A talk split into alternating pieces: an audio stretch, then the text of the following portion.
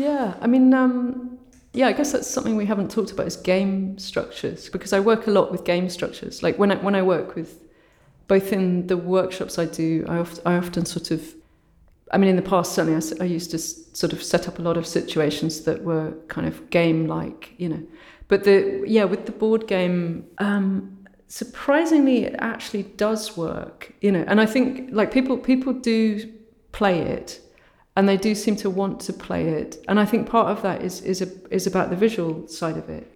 You know, all the great board games. You know, I mean, like Monopoly is sort of one of the most famous board games, and part of what makes it desirable is how well designed on a visual level it is, and it has these nice little counters, and they're really attractive. You know, and you want to touch them, and so with my board game, I sort of try to make it as, as visually exciting as possible, you know, and it's very, very detailed and it's sort of, it seems to be attractive to people, that people actually want to get their hands on it. One of the things that's sort of interesting about board games for me is that they're, it's a form of storytelling that you have to inhabit. You, you enter the structure and then you experience all the frustrations that that structure produces and then hopefully that produces some thinking, you know, some thoughts. So with with my board game, uh, it's about the, you know, a lot of again, it's about history, you know. So it's it sort of starts off with you know feudalism, and it's it's sort of like a, it's a satire on British history. It's not exactly British history, but it's some, it has you know, it's sort of some version of British history, you could say.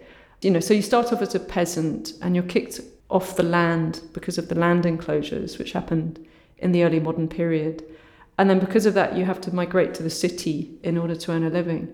So, of course, that kind of mirrors the process of industrialization in the UK, you know, kind of the rural poor, you could say, the sort of, you know, the, the kind of non landowning people living in the countryside in the early modern period, you know, kind of, I mean, the, with the land enclosures, they were really forced into the cities because their traditional lifestyles were no longer sustainable. You know, they, they suddenly lost all their rights of access um, you know, they couldn't graze their pigs in the forest. They couldn't pick up wood in the forest anymore, you know, because the forest becomes private, privately owned by the local landlord.